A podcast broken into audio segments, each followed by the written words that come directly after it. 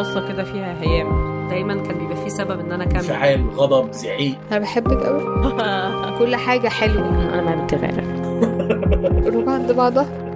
قصص عن تلك الطاقة التي تحرك الكون. تستمعون لبرنامج بحب من إنتاج شبكة Kerning Cultures مرات كتير في أشياء بتكون كتير بسيطة وممكن تكون عادية جدا بالنسبة لكتير ناس. تكون بالنسبة إلنا إلها قيمة كتير كبيرة ومعنى كتير كبير. لأسباب كتير بالعادة بس على الأغلب ممكن لأنها بتكون مرتبطة بإشي بدنا إياه كتير مثلا أو إشي بنستناه أو ممكن تكون لأنها مرتبطة بفقدان يعني مرتبطة بإشي فقدناه.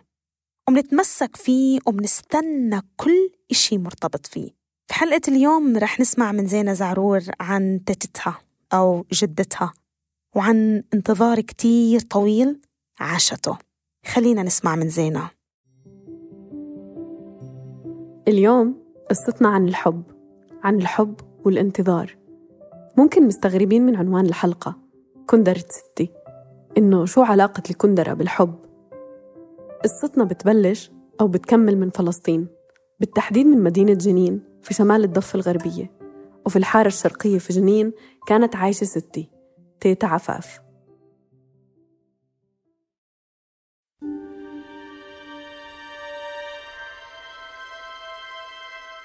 أنا عفاف مروح أحمد زهرون من سيرة الظهر ومولودة بالخارجية سنة 33 بشهر أربعة 24 أربعة.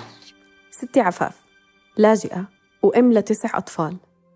عينيها زرق فيهم نظرة كتير حادة. عصبية وبتنفعل بسرعة. بتبكي بسرعة بس كمان تضحك بسرعة. بيحكوا لي إني بشبهها بالشكل بس كمان بحس إني أخدت شوي من طباعها. كنت أزورها كل يوم مع أبوي. البيت صغير. بندخله من شارع ترابي على جنابه شجر زيتون. في ساحة صغيرة مزروعة ورد على الأطراف ودايما تيتا حاطة كرسي في هاي الساحة وبتستنى. مش بالضرورة بتستنى في إشي أو حدا معين. بس دايما بتستنى. في شعور هيك كنت أحسه أول ما أروح عندها. شعور الانتظار لإشي مش معروف شو هو. ممكن كانت تستنى إنه نيجي عندها بس حتى لما نوصل إحنا ننضم إلها ونقعد نستنى كلنا مع بعض.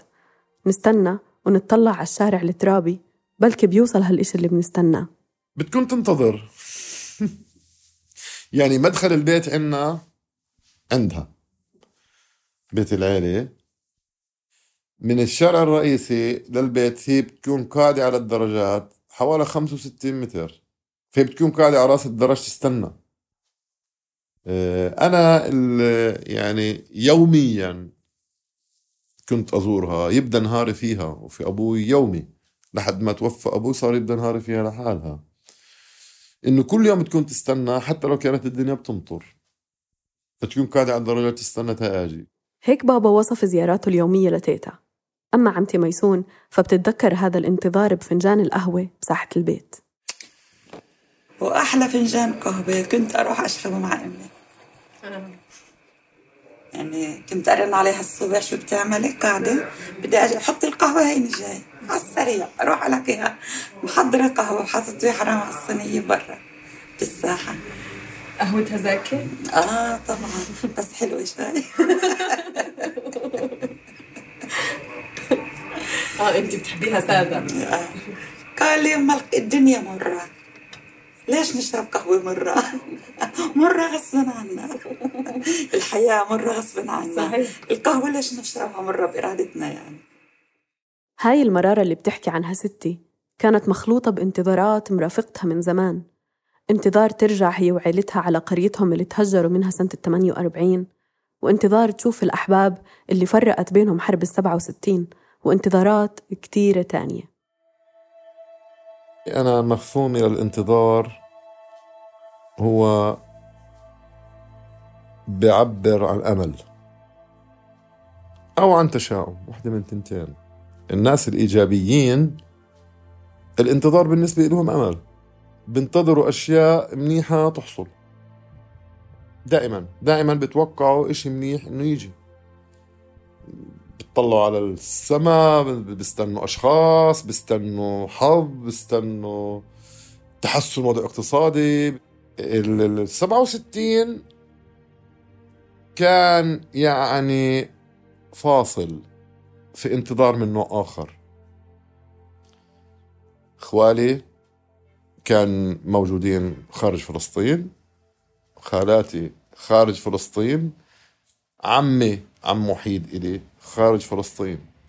فبالتالي كل الناس الأقارب من الدرجة الأولى موجودين برا البلد. هذول كانوا يجوا كل سنة بالصيف.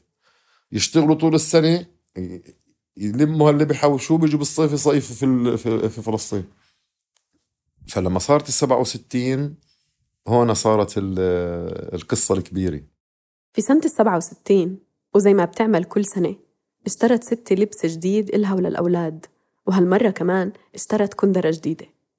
جهزت البيت في انتظار إخوتها وخواتها وعائلاتهم. كانوا في كل صيف بيتجمعوا وبيطلعوا مع بعض مشاوير بيزوروا القرايب والأصحاب وبيطلعوا رحلات وشطحات. على بساطة هاي الفعاليات بس يمكن ما كانت ممكنة باقي السنة. وزي ما حكى بابا في سنة السبعة وستين صارت القصة الكبيرة بالتحديد في شهر ستة. وقبل ما تبلش فعاليات الصيف احتل الجيش الإسرائيلي ما تبقى من فلسطين اللي هي الضفة الغربية وغزة. وهيك ستي لقت حالها مع لبس جديد وكندرة جديدة ضلوا جداد لأنه الناس اللي كانت مخططة تلبسهم معهم ما أجوا. لأنه وقتها كل الفلسطينيين اللي كانوا موجودين داخل فلسطين أخذوا هويات. أما اللي كانوا برا واللي من ضمنهم إخوة وخوات ستي منعهم الاحتلال من أخذ الهوية. وبالتالي بطلوا يقدروا يدخلوا إلا في تصاريح خاصة. وهاي التصاريح كان شبه مستحيل تطلع. أما قائمة ستي للناس اللي بدها تطلع لهم تصاريح ضلت تطول. طبعا لاحقا أخوي الكبير أكبر واحد فينا اللي هو داوود آه، سافر يدرس برا فدخل في قائمة الناس اللي أمي بتنتظرهم. بتذكر إنه مثلا داود كان بحب طبخات معينة ما كانت تطبخ لنا إياها بغيابه. ما دام هو مش موجود آه، طبخة أنا شو عرفني المفتول ولا طبخة اللي مش عارف إيش ما بطبخ. ما بطبخ حتى يكون موجود. فحتى إحنا عشنا الانتظار حتى حتى في قصة إنه الواحد ياكل اكلي جاء باله شغلة بس صرنا نعرف إنه هاي أمي ما بتعملها. فما بنطلبها. لأنه هاي معروفة لما يجي داود بتنطبخ. ستي تاني أكبر طفل بين خمسة. ومن صغرها بعد ظروف صحية صعبة كانت تمرق فيها إمها اضطرت تاخد دور الأخت والأم مع بعض لأخوتها وأختها اللي أصغر منها. يمكن عشان هيك كان انتظارها مضاعف لإلهم. انتظار إخوتها وخواتها اللي ربتهم هي كان بيعني انتظار أبنائها كمان. كان هذا الانتظار أوضح إشي في الأعياد والمناسبات. العيد في جنين مع ستي كان إشي كتير مميز. بالعيدين كل سنة منسوي نفس الأشياء بالضبط. ويمكن هذا كان يخليها تستحمل الانتظار أكتر بنصحى الصبح بنعمل فطور العيد وبنفطر معها وبتبلش التليفونات بينها وبين إخوتها وكمان أبنائها التنين اللي مش موجودين في البلد من خلال أبوي بتبلش المحادثة كالعادة كيفكم؟ كيف ولادكم؟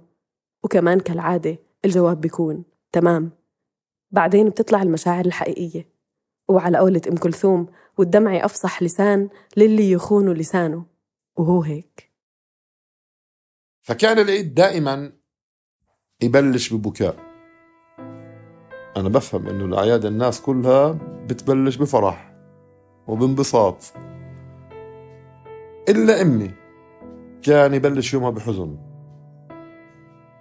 خاصة لاحقا توفي أمه وأبوها. فصارت تبكي على اللي ماتوا ومش رح يرجعوا وتبكي على اللي بتنتظر فيهم طول الوقت. إنهم يجوا. فقصة الانتظار يعني كانت دائما هي بالنسبة لي فيها نوع من ال ال الهاجس اللي بعيشه بشكل دائم ومستمر اللي هو من خلال أمي وكل واحد على لائحة انتظار تيتا كان له صورة أو صور كتار ورسائل في صدر البيت في صورة بالأبيض والأسود لأبوها وكمان صورة لأمها. وعلى المراية الكبيرة في صور كتير معلقة لأولادها وأحفادها وكمان صور لأخوتها وأخواتها. وفي صور غيرهم كتير ستي كانت محتفظة فيهم في صندوق حديد جوا خزانتها وكل فترة وفترة غالبا في المناسبات لما نكون متجمعين عندها تطولهم من الخزانة وتفرجينا إياهم. تشرح عنهم بتفاصيل التفاصيل لدرجة إني كنت أحس إني بعرف هدول الناس اللي بالصور منيح وأنا بالحقيقة عمري ما التقيت معظمهم. إيه، الصور اللي هي كانت محتفظة فيها. قديش هي يعني صور بتشوف الصورة باهتة بس هي كانت كل فترة وفترة إيه، تحكي لنا طلعوا الصور نتفرج عليهم. هاي فلان وهاي فلان وهاي أخوي وهاي أولاده وهاي أنتو وأنتو صغار. في الصور كنت أشوف أخوة تيتا خالد اللي موجود في الجزائر ووليد اللي موجود في السعودية وخواتها سهام وهدى كانوا موجودات في الأردن. ستي قدرت تلتقي فيهم في الأردن بعد سنوات بس اللقاء في الأردن مش هو اللي كانت تستناه. كان لقاء ناقص يمكن محزن كمان. صحيح التقوا بس الانتظار ما وقف. انتظار اللقاء الحقيقي اللقاء المنتظر في فلسطين. وبسبب صعوبة السفر هاي اللقاءات ما تكررت كتير بس كانت تتعوض برسائل. أنا ما لحقت أجواء استقبال الرسائل بس أبوي بخبرني. فلما كان يجي رسالة من أحد خالي ولا خالاتي ولا كذا بالنسبة لأمي بتكون في حفلة. إنه تقعد وتنفرج أساريرها وتصير بدها تأكل الأخبار اللي جاي بهاي الرسالة. طبعا الناس كانت بهذيك الأيام أنا بتقديري تخفي عن بعضها الحقائق. لأنه كل واحد يقول للتاني إنه أنا بخير. وكل الناس مش بخير. بغض النظر عن كل الظروف الصعبة اللي ستي كانت تمرق فيها وبتعرف كمان إنه إخوتها وخواتها بمروا فيها وين ما هم ضلت تستناهم. يمكن تتجاهل حتى هاي الظروف. تستناهم من خلال صورهم ورسائلهم وكمان تستناهم من خلال الكندرة. آه يا ست الكندرة من سبعة وستين. أخوتي يعني إحنا خوات ثلاث كنا وأخوتين ومتغربين في اللي أنا موجودة كنت بفلسطين بالضبط. وكنت مشتاقة لأخواتي كتير تيجوا نحضر أشياء جديدة وحلوة عشان لما يجوا بيصيروا يطلعونا مشاوير. بعدين احتلونا اليهود وخلص الفرحة راحت وما نفكر إلا زعلانين نستنى الله يجيبهم. شرينا هالكندر الحلوة وحطيناها ونستنى. حكت لي ستي هذا الحكي وإحنا عاملين ورشة تعزيل للبيت. بيتها اللي معبى أغراض من سنين محطوطة مكانها. حكت لي عن الكندرة وهي بتفرجيني فيها. كندرة سودا مرتبة كتير كعبها عالي. أنا ولا مرة شفتها لابسة كعب عالي. صحيح قديمة بس يبدو إنها مش ملبوسة ولا مرة. سمعت القصة من تيتا بس من جديد عم ترجع لي قصة الكندرة من خلال الانتظارات اللي أنا عم بحس فيها في حياتي. يمكن كمان لما بلشت أحس حالي بتعلق بأشياء معينة كرموز عن ناس أنا بحبهم. حبيت أعرف أكتر فسألت عمته ميسون وبابا اللي بيتذكروا أكثر وجود هاي الكندرة. كانت حاطتها في الباكيت اللي شرتها فيه نفسه إيه، تحت التخت اللي بتنام عليه. مرات كانت تقيمها وتحطها برف من رفوف الخزانة تخبيها على قد ما هي كانت حريصة عليها. عمرك تتذكري إنها لبستها؟ إيه، يمكن قاستها يعني كاستها ومشيت فيها شوي. بدها تشوف حالها يعني. بتعرف تمشي فيها أو لا. بس إنه لبستها وطلعت فيها لبرا لا ما ولا مرة. لا أبدا. أبدا أبدا. ما ما لبستها على الأقل بجوز بينها وبين حالها. إذا كانت تفوت جوا وتلبسها تجربها وتضبها ما بعرف. بس أنا ولا مرة شفتها ما لبستها ولا بأي مناسبة.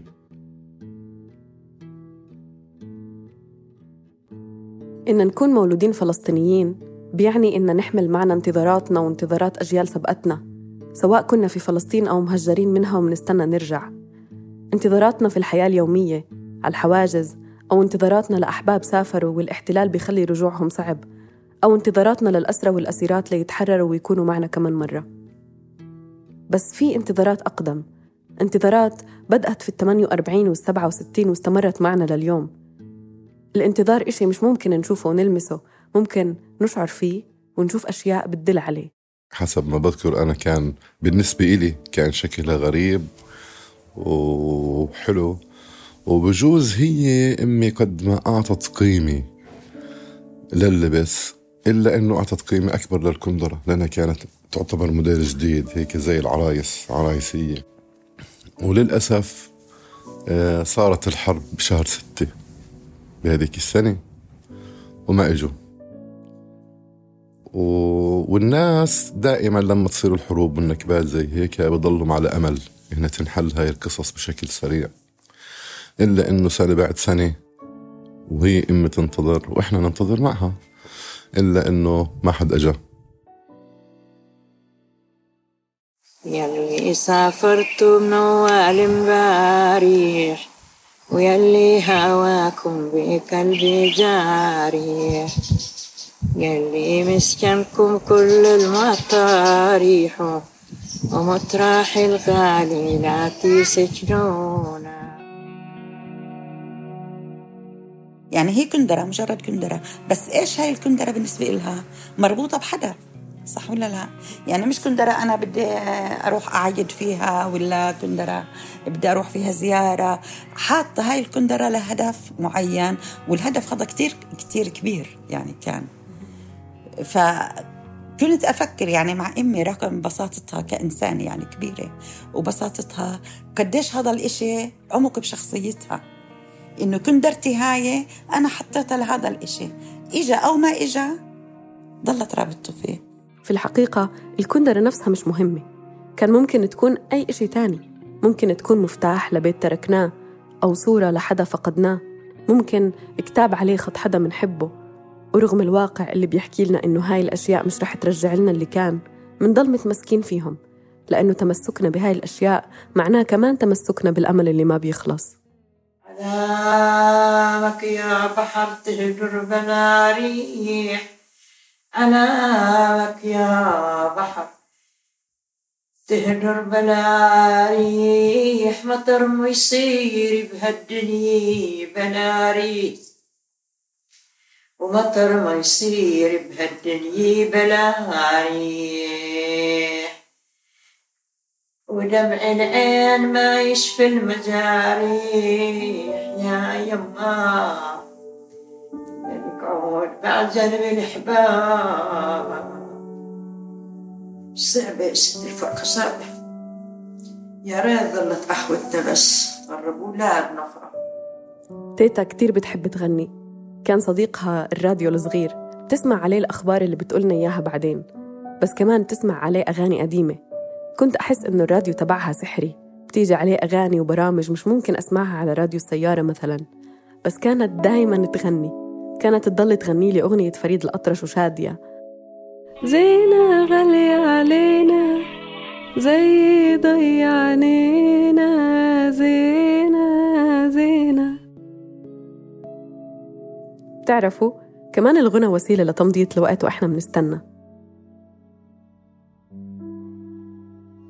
في 2015 ستي عفاف تركتنا وقائمة الغياب لسه عم بتزيد. وفي بيت صغير في الحارة الشرقية في مدينة جنين في علبة فيها كندرة مش ملبوسة. بتستنى يخلص هذا الانتظار وبلكي تنلبس في يوم ما.